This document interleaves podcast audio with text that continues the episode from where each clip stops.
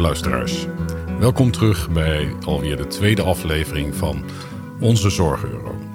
Waarin we een duik nemen in de historie van ons zorgstelsel met de titel Je blijft altijd een kind van je ouders.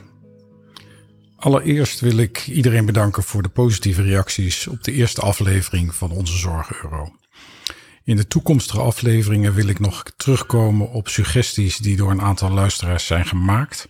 En vooral de marktwerking tussen verschillende verzekeraars die nogal bediscussieerd blijkt te zijn. Maar vandaag wil ik eerst met u stilstaan bij de historische achtergrond van ons zorgstelsel. Toen ik twaalf jaar terug begon met mijn loopbaan in de zorg, was ik me weinig bewust van de geschiedenis achter ons marktgedreven zorgstelsel. Achteraf gezien heeft mij dat op achterstand gezet. Regelmatig liep ik tegen een muur op die ik had kunnen omzeilen als ik wat beter op de hoogte was geweest van de historische wortels van ons stelsel. Nu weet ik eigenlijk wel dat het niet ieders hobby is om te luisteren naar alle historische details over ons zorgstelsel. En daarom vat ik eh, voor de ongeduldige luisteraar alvast een kort samen wat ik wil bespreken. Na de samenvatting kunt u dan als ongeduldige luisteraar zonder drang naar geschiedenis en affiniteit met het onderwerp meteen door naar de volgende aflevering. Afijn, samenvattend ziet de ontwikkeling van ons zorgstelsel eruit als een van veel vertragingen en belangafwegingen. Een vrije zorgmarkt was de hele 20e eeuw het uitgangspunt voor ons zorgstelsel. Aan het einde van de 20e eeuw, met een stelselwijziging in 2006, is deze markt sterk gereguleerd. De zuivere marktwerking met een verzekeringsmarkt als basis bleek al vanaf de jaren 70 een onhoudbare inrichting van het stelsel. Solidariteit en recht op zorg bleken slecht verenigbaar met een vrije markt waarin zorgverzekeraars, ziekenfondsen, artsen, ziekenhuizen en leveranciers met elkaar zelf bepaalden op welke manier de zorg aan welke persoon werd geleverd. Het heeft in Nederland vooral heel lang geduurd voordat structurele ingrepen werden gedaan omdat met name marktpartijen een sterke waarde hechten aan het op afstand houden van de overheid. Sterke marktpartijen als ziekenfondsen en artsenverenigingen hebben daarbij een belangrijke en vertragende rol gespeeld. Al met al is ons huidige zorgstelsel, dat vanaf 2006 vooral een resultaat van falen van de marktwerking in de decennia na de Tweede Wereldoorlog. Met deze samenvatting over de historie van ons zorgstelsel heeft u voldoende historische bagage meegekregen om door te gaan naar de volgende aflevering van Onze Zorgeuro.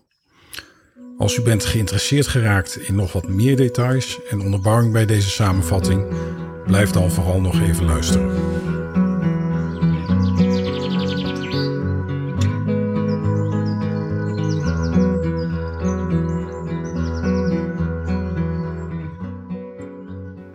Wanneer je gaat lezen en praten over de historie van ons zorgstelsel, kom je al snel tot het besef dat dit niet is ontstaan vanuit een grote verandering in 2006 naar de wereld van marktwerking. Maar dat we in 100 jaar tijd geleidelijk zijn gegroeid naar een stelsel waar we nu in verzeld zijn geraakt. Om een beeld te krijgen van de bakermat van ons Nederlandse zorgstelsel, moeten we terug naar de jaren tussen de Eerste en de Tweede Wereldoorlog. Het interbellum, Tussen 1918 en 1940 was er in Nederland nog geen sprake van een wettelijk vastgesteld recht op zorg. Het ontbreken van een sociale vorm van ziektekostenverzekering betekende niet dat er helemaal geen voorzieningen waren die Nederlandse burgers met beperkte middelen hielpen als zij door tegenslag extra zorg nodig hadden. Rond 1918 telde Nederland al meer dan 650 ziekenfondsen, waar mensen met een laag inkomen onder de welstandsgrens, zoals dat toen heette, bij waren aangesloten. In die tijd waren ziekenfondsen private instellingen met over het algemeen een filantropische of een levensbeschouwelijke overtuiging, of misschien wel een bedrijfseconomische of commerciële achtergrond. Het werkgebied van deze ziekenfondsen was geografisch beperkt tot een meestal de stad of een dorp. Voor degenen die werden toegelaten als lid werkten de ziekenfondsen als een collectieve verzekering. Chronische zieken, bejaarden, gehandicapten en zwangere vrouwen konden over het algemeen geen lid worden van een ziekenfonds. Als je eenmaal lid was van een ziekenfonds, dan had je het recht op de zorg geleverd door het ziekenfonds. Ziekenfondsen sloten daarvoor contracten met artsen, apothekers en andere zorgverleners. Voor de medische zorg betaalde het ziekenfonds deze partijen direct en de verzekerde zag daarvoor geen rekening. Wat we tegenwoordig de Naturapolis zouden noemen. Eind jaren 30 was 45% van de bevolking aangesloten bij een privaat ziekenfonds. In de jaren tussen de twee wereldoorlogen ontstonden in Nederland ook andere verzekeringsmogelijkheden. Verspreid over het land werden commerciële en niet-commerciële verzekeraars opgericht, die zich niet zozeer richten op de armen en de minder vermogenden, maar op de middeninkomens, de particuliere zorgverzekeraars. Deze verzekeraars boden vaak een verzekering in de vorm van een restitutie van gemaakte kosten. De verzekerde was vrij om te kiezen naar welke dokter hij of zij ging. Deze vorm van verzekeren was niet gericht op het recht van zorg, zoals bij ziekenfonds het geval was, maar op het individueel verzekeren van schade door ziekte. Nu kwamen deze verzekeraars met name tot stand doordat middeninkomens niet mochten worden toegelaten tot de ziekenfondsen. Dit verbod op toelating werd vooral in het leven geroepen in het belang van de bestaande artsenorganisatie, de toenmalige KNMG. Deze organisatie gebruikte met name het argument dat van middenstanders mag worden verwacht dat zij de geneeskundige zorg zelfstandig ten volle betalen en dat het ziekenfonds ook tot een verlies aan decorum zou leiden. De middenstander zou zich immers niet met goed fatsoen op gelijke voet met hun directe ondergeschikte of mensen met een lagere sociale positie kunnen laten behandelen. Gelukkig zijn deze tijden sindsdien veranderd. Het onderscheid tussen ziekenfonds en particulier was dus vooral een sociaal onderscheid. De positie van de particuliere patiënt had dan ook enkele concrete voordelen. Anders dan ziekenfondspatiënten waren zij niet gebonden aan vaste spreekuren. De dokter kwam eerder en vaker aan huis. Ze kregen meer persoonlijke aandacht en vaak een eigen kamer en voorrang bij behandeling in het ziekenhuis. Daarnaast werden de medicijnen door de apotheek aan huis bezorgd. Ziekenfondspatiënten moesten zich vaak al vroeg in de ochtend naar de praktijk begeven en in een speciale wachtkamer wachten op een beurt. Waarbij het, zoals toen de tijd werd geschreven, een bewijs van dokters medevoelen met de patiënten was wanneer de gang werd bedekt met wat oude kokosmotten en er een paar stoelen stonden waarop oude vandaag of zwakken konden gaan zitten. Eind jaren 30 was zo ongeveer 20% van de bevolking particulier verzekerd. Het aantal verzekerden in Nederland was met 45% ziekenfonds en 20% particulier verzekerden aardig in lijn met de omringende landen. Ondanks het ontbreken van een wettelijke sociale ziektekostenverzekering. Vrijwel alle ons omringende landen hadden hier politiek al een nood over gekraakt. Vooral de kracht van de artsenorganisatie KNMG leidde in de Nederlandse context tot een politieke impasse, waarbij de KNMG staatsbemoeienis met de gezondheidszorg eigenlijk per definitie afwees. De KNMG was van mening dat de gezondheidszorg, inclusief het ziekenfondswezen, bovenal een zaak van de artsen was. De artsenorganisatie, die 90% van alle artsen vertegenwoordigde, had in het interbellum met haar leden een sterke machtspositie opgebouwd binnen de ziekenfondsen die moesten voldoen aan de eisen van de KNMG. De politieke impasse werd pas doorbroken met de bezetting van de Duitsers tijdens de Tweede Wereldoorlog. De Duitse bezetter hoefde veel minder rekening te houden met bestaande denkbeelden en machtsverhoudingen. Met het ziekenfondsbesluit van 1941 werd dan ook de verplichte sociale ziektekostenverzekering geïntroduceerd in Nederland voor werknemers en gezinsleden met een inkomen onder de door de overheid bepaalde grens. Deze groep had vanaf toen recht op een ongekend groot pakket aan medische zorg, vergoeding voor de huisarts, ziekenhuiszorg en geneesmiddelen. De inkomensafhankelijke premie bedroeg 4% van het loon en werd in gelijke mate gedragen door werknemers en werkgevers. Iets dat in opzet heel veel lijkt op de huidige algemene zorgverzekering. Hiermee was het wettelijk erkende recht op zorg ingevoerd. Weliswaar gold dit pas voor een kleine groep, maar de staat kreeg hiermee wel een voet tussen de deur bij de privaat georganiseerde gezondheidszorg in Nederland. Toch zou de staat het wettelijke gegarandeerde recht op gezondheidszorg nooit uitbreiden tot de hele bevolking. Het bereik van de wettelijk verplichte ziekenfondsverzekering bleef tot in het midden van de jaren 80 beperkt tot ongeveer de helft van de bevolking. In andere landen om ons heen verliep dit proces heel anders. Met veel meer invloed van de staat op de wettelijke recht op gezondheidszorg. De politieke en maatschappelijke aversie tegen verstatelijking van de gezondheidszorg bleek in de jaren vanaf het einde van de Tweede Wereldoorlog tot nu diepe wortels te hebben in Nederland. De opvatting dat medische zorg voor iedereen toegankelijk zou moeten zijn, kon rekenen op een breed draagvlak in de maatschappij. Maar staatsbemoeienis op deze ontwikkelingen leidde elke keer tot sterke tegenkrachten. De grenzen tussen particuliere en de sociale ziektekostenverzekering werden in de loop van de tijd opzettelijk ingewikkeld en poreus gemaakt. Publieke en private verzekeraars raakten dan ook vrij snel met elkaar vervlochten. Ziekenfondsen richtten kort na de Tweede Wereldoorlog hun eigen particuliere zorgverzekeraars op.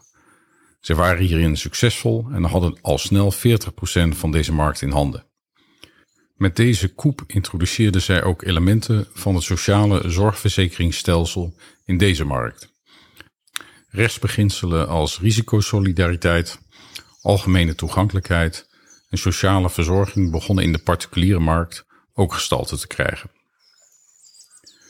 Commerciële ziektekostenverzekeraars kwamen hierdoor na de oorlog klem te zitten. Zij verloren aan alle kanten verzekerden aan de ziekenfondsen.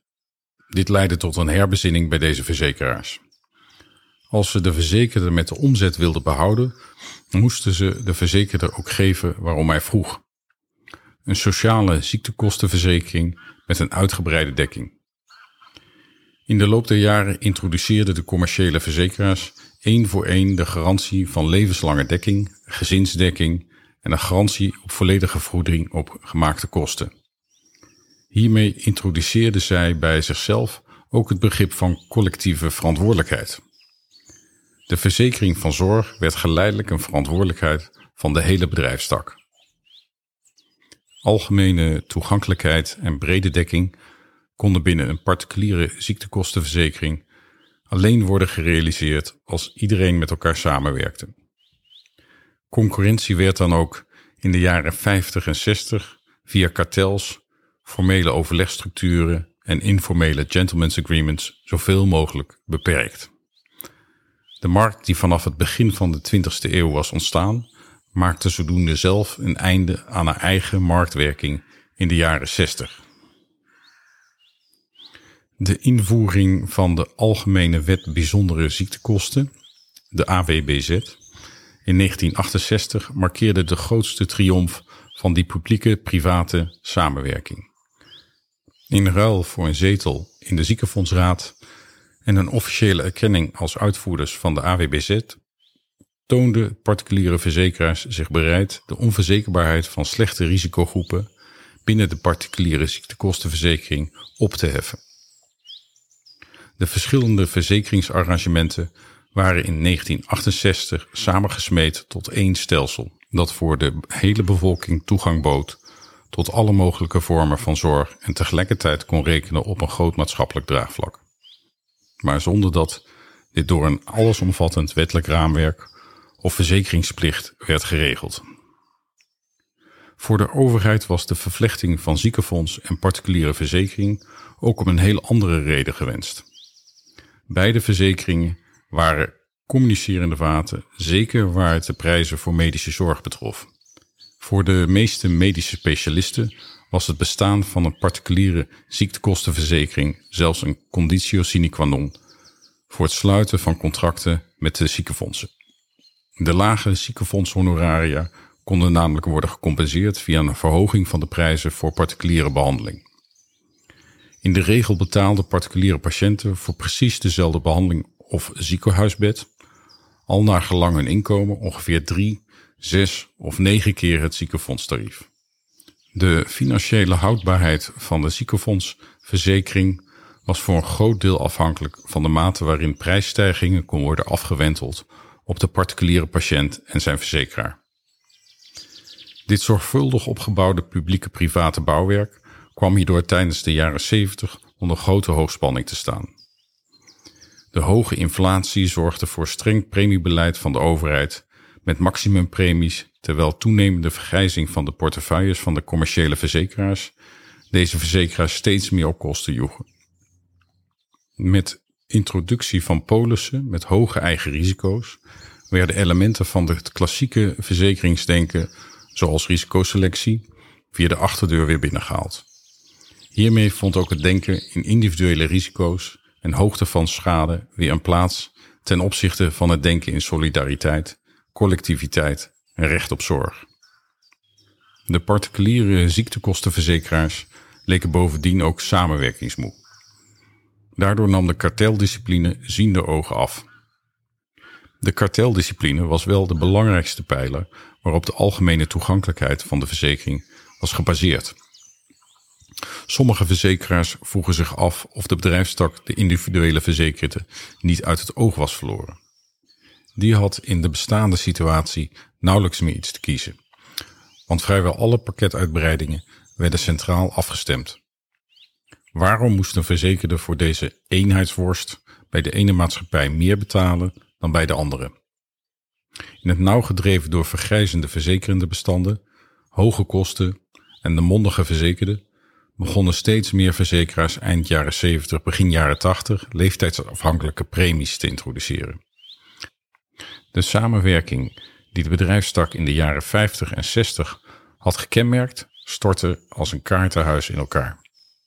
De financiële en institutionele vervlechting van de ziekenfondsverzekering en de particuliere verzekering, waarvan de ziekenfondsen jaren hadden geprofiteerd, bleek nu ook onvoorziene effecten te hebben. In hun zoektocht naar jongeren waren particuliere ziektekostenverzekeraars en ziekenfondsen met een particuliere verzekeringstak begonnen met het weglokken van jongeren met lage premies uit de vrijwillige ziekenfondsverzekeringen, die daardoor aan de rand van de faillissement kwamen te staan. In de strijd om de jongeren waren particuliere verzekeraars in het voordeel.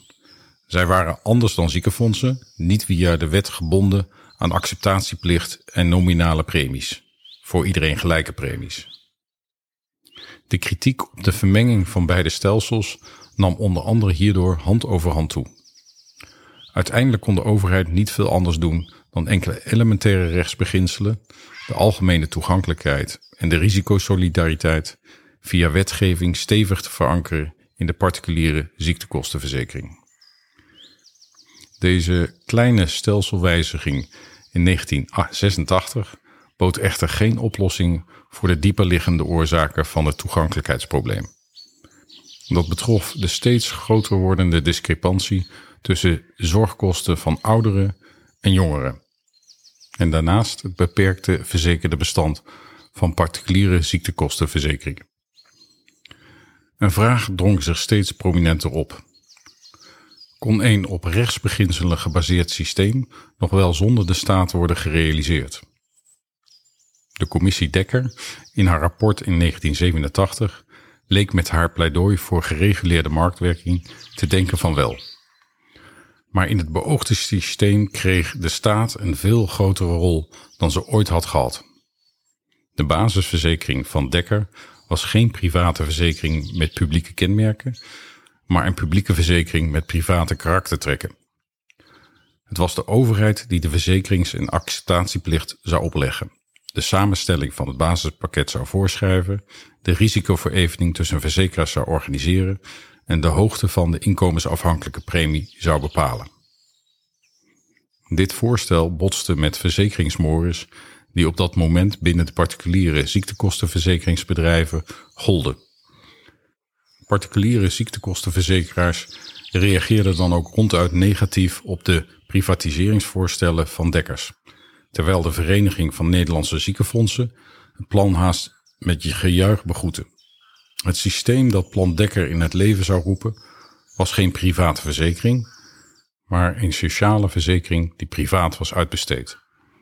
Daarmee haakte Dekker aan bij een al langer bestaande Nederlandse traditie. Aan de andere kant realiseerden commerciële ziektekostenverzekeraars zich heel goed dat een op schadebeginselen gebaseerde verzekeringssysteem, waarin verzekeraars vrij met elkaar konden concurreren, onherroepelijk zou leiden tot risicoselectie en uitsluiting van bepaalde risicogroepen. Langdurige risicosolidariteit kon niet privaat worden georganiseerd en het recht op toegankelijke zorg kon evenmin door de private instellingen duurzaam worden gegarandeerd. Een zorgstelsel gebaseerd op onderlinge samenwerking was daarvoor te kwetsbaar gebleken. Maar ook ziekenfondsen voelden de spanning tussen het collectieve verzekeringspakket en de afwijkende individuele behoeftes van hun verzekerden. Erg veel ruimte om in te spelen op de individuele vraag hadden ziekenfondsen niet. Bovendien beperkte de contracteerplicht ziekenfondsen in het ontplooien van een effectief kostenbeheersingsbeleid. Wilde dit laatste kans hebben van slagen, dan moesten zowel ziekenfondsen als hun verzekerden meer vrijheid en eigen verantwoordelijkheid krijgen. Dit gedeeld besef stimuleerde het ontstaan van een nieuw model voor de ziektekostenverzekering, waarin toegang tot de zorg werd gecombineerd met concepten als private uitvoering, gereguleerde marktwerking en vrije keus van verzekeraar. Steeds meer partijen vonden dat de onderscheid tussen de publieke en private ziektekostenverzekering moest verdwijnen. Daarvoor in de plaats moest er een publieke verzekering komen voor de gehele bevolking, uitgevoerd door private instellingen, maar gecontroleerd door de overheid. Het werkelijke gezag zou daardoor bij de overheid komen te liggen. Dat er rond de herschikking toch een zweem van liberalisering hing, kwam vooral door de marktwerkingsretoriek van het plan Dekker en het feit dat de ziekenfondsen in de voorbereiding op hun nieuwe taak meer vrijheid kregen. De vrijheid van de enige vrije markt in de zorg, de particuliere ziektekostenverzekering, werd echter drastisch beperkt. Verscholen achter een wolk van liberalisering ging ook een harde socialiseringsschouw. De Zorgverzekeringswet van 2006 vormde de bevestiging van deze nieuwe moraal.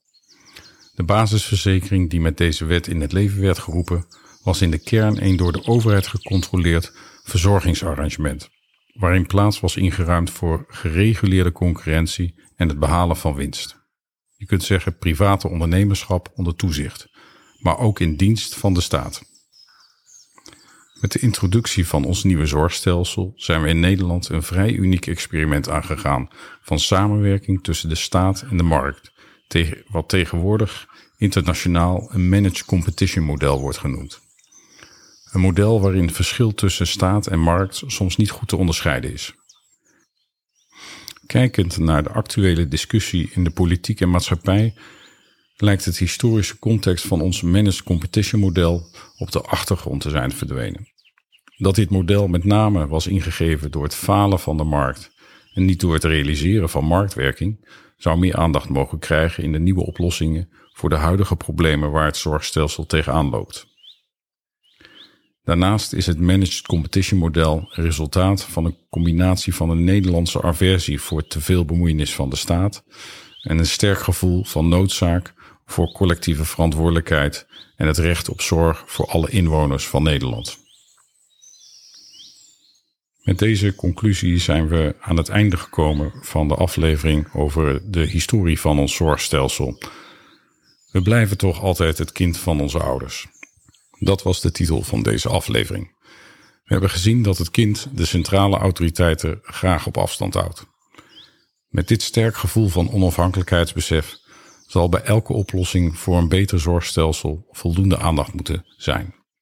Voldoet de oplossing aan dit basisuitgangspunt. In de volgende aflevering van onze Zorg Euro wil ik stilstaan bij de internationale vergelijkingen van de organisatie van zorg in het buitenland. Doen wij het nou met ons eigen model echt veel beter dan andere landen of misschien wel slechter? Zijn er uit de vergelijkingen die er internationaal zijn overeenkomsten en verschillen te benoemen tussen ons zorgstelsel en dat van andere landen? Daarop wil ik dieper inzoomen. De titel die de volgende aflevering heeft meegekregen is Zijn wij nu werkelijk de beste? Ik wil u alvast weer bedanken voor het luisteren naar deze aflevering van Onze Zorg Euro en hoop u weer terug te zien bij de volgende aflevering over een week.